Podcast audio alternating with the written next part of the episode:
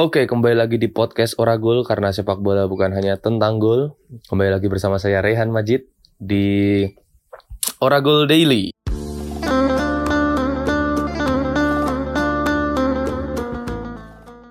Ya, udah cukup konsisten ya Oragul Daily meskipun ya secara penayangan mungkin masih ya kadang tepat waktu, kadang terlambat, tergantung kesibukan masing-masing. Tapi itu nggak jadi pembenaran. Kita mengupayakan untuk lebih tepat waktu lagi. Dan tidak terasa sudah sampai Oragul Daily episode ke-12 dan kali ini saya Rehan Majid akan membawakan beberapa hasil terkhusus dari grup E. Nah, ini menarik kita lihat bagaimana grup E secara khusus jadi gambaran bahwa tim-tim mapan Eropa justru mengalami kehancuran, tumbang sebelum memenuhi ekspektasi publik. Nah, sebelum jauh kita bahas ke situ, uh, kita mulai dari pertandingan lain yang mulai lebih awal.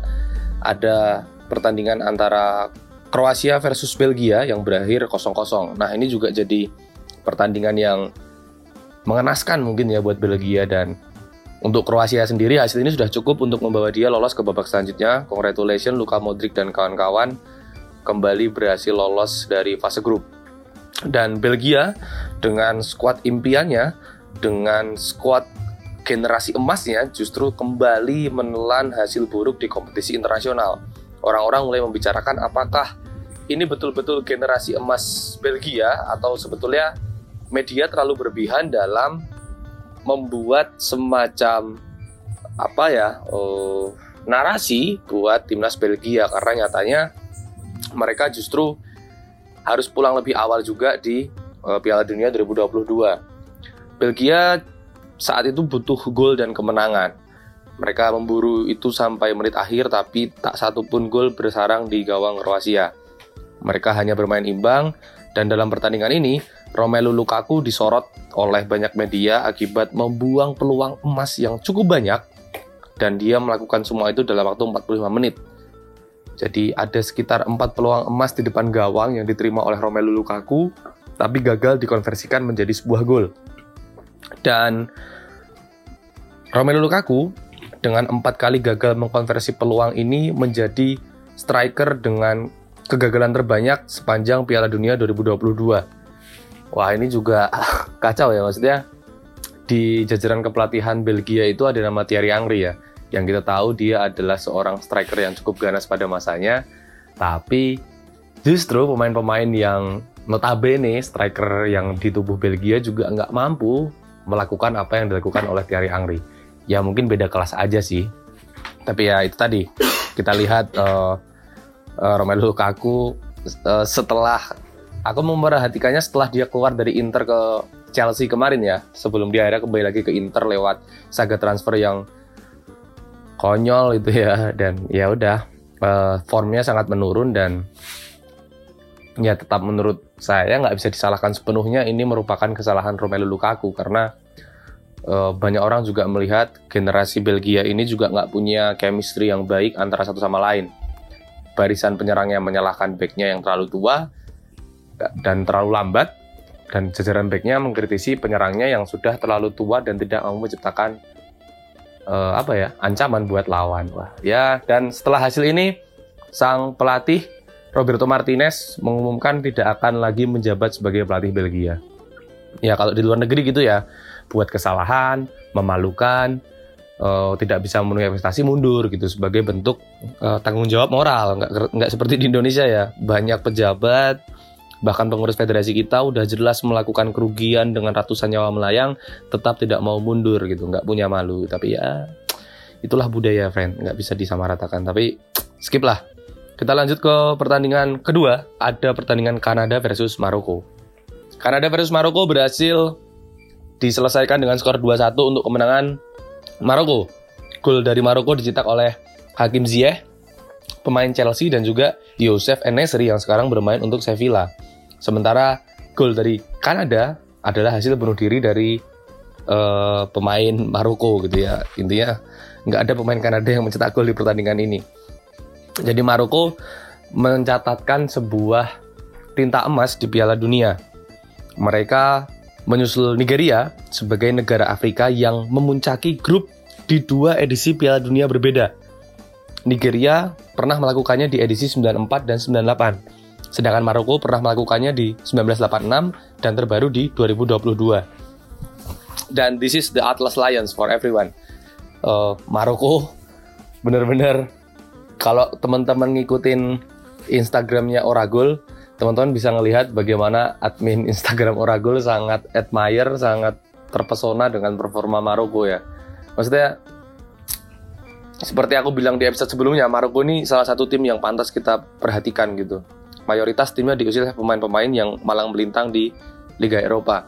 Ada Hakim Ziyech di Chelsea, kemudian ada siapa lagi? Akraf Hakimi di PSG, lalu ada Yosef Enesri di Sevilla, kipernya Bono di Sevilla, ya itu maksudnya pemain mereka sudah terbiasa di Eropa dan mungkin nggak canggung lagi ketika ketemu negara-negara besar Eropa.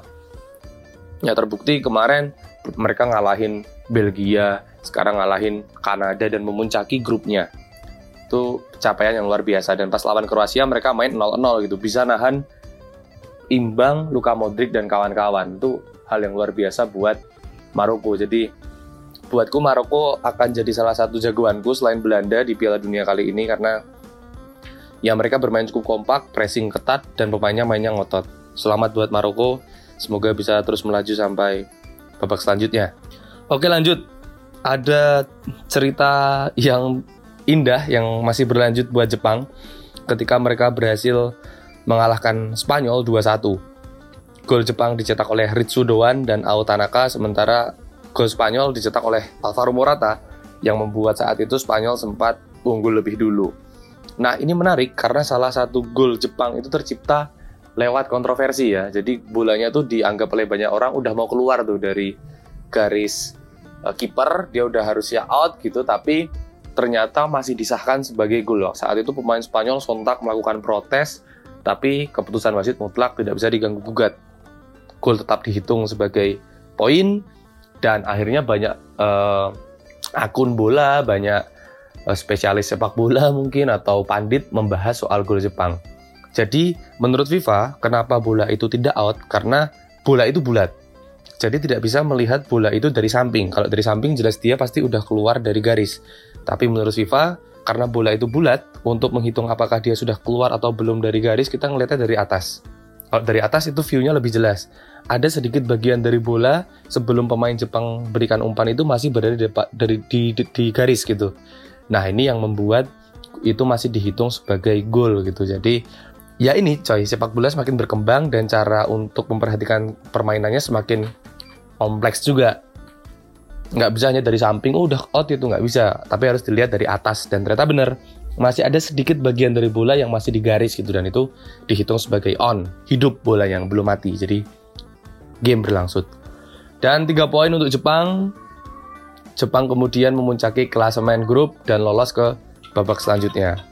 Nah, kemudian eh, Jepang ini juga mengukir kisah emas karena mereka sukses mengalahkan dua raksasa selain Spanyol. Sebelumnya mereka berhasil mengalahkan Jerman. Kemudian juga ada pertandingan antara Costa Rica melawan Jerman. Nah, ini menarik nih. Costa Rica melawan Jerman. Uh, Jerman sukses menang lawan Costa Rica 4-2 tapi hasil itu nggak cukup membuat mereka bisa lolos ke babak selanjutnya. Mereka harus uh, mengakui bahwa mereka belum cukup baik untuk bisa melaju ke babak selanjutnya. Di edisi sebelumnya di 2018 mereka juga hanya menjadi juru kunci dan untuk pertama kalinya ya uh, Jerman dua kali berturut-turut tidak lolos dari fase grup di Piala Dunia. Nih hasil yang buruk buat Jerman ya. Meskipun menang 4-2, secara klasemen dia masih kalah agresivitas gol dari Spanyol gitu. Karena Spanyol di pertandingan pertama kan membantai Rica 7-0 tuh ya. Itu jadi benar-benar uh, berpengaruh tuh buat keunggulan gol dari uh, Spanyol gitu. Tapi ya banyak orang bilang kayaknya ini akibat ini sih akibat daripada Jerman yang dinilai terlalu bias dalam uh, fokusnya di sepak bola gitu. Mereka justru banyak mencampurkan diri kepada isu-isu politis seperti memberikan gimmick tutup mulut, kemudian memperdebatkan ban kapten yang pelangi. Ya itu membuat Jerman terlihat nggak keren lagi coy gitu. Jerman tuh orangnya tuh waduh bertahun-tahun kita kenal diisi sosok-sosok seperti Podolski, Lam, Miroslav Klose, Michael Balak yang oke okay, dia all in buat sepak bola. Tapi nggak tahu sekarang nih. Aduh. Tapi ya semoga Jerman belajar banyak sih. Dan terlepas dari semua keburukan dan uh, nasib buruk yang menimpa Jerman kita bisa melihat bagaimana seorang Jamal Musiala benar-benar membuktikan dirinya sebagai salah satu youngster pemain muda yang potensial di sepak bola Eropa hari ini dia terlihat sebagai pemain yang sukses menjadikan atau menaspikan dirinya sebagai tulang punggung Jerman di Piala Dunia kali ini. Lalu juga ada nama lain yaitu Fulkrug ya, yang Niklas Fulkrug yang kemudian menjadi jawaban dari publik Jerman ketika merindukan sosok pemain nomor 9 yang klinis di depan gawang. Tapi at the end of the day, Jerman pulang lebih awal, yang lolos justru Jepang dan Spanyol. Costa Rica dan Jerman harus pulang lebih dulu dan untuk kedua kalinya sekali lagi Jerman tidak lolos dari fase grup. Kita patut melihat apa yang akan dilakukan Jerman ke depan dan bagaimana nasib seorang Hansi Flick ke depannya. Mungkin itu aja. Begitulah sepak bola penuh dengan surprise, extraordinary, nggak bisa disangka-sangka. Tapi dua tim dari podcast kali ini yang mau aku garis bawahi adalah Maroko dan Jepang dua dua tim yang berasal dari Asia dan Afrika, tapi justru memberikan banyak surprise dan menghancurkan tim-tim raksasa Eropa.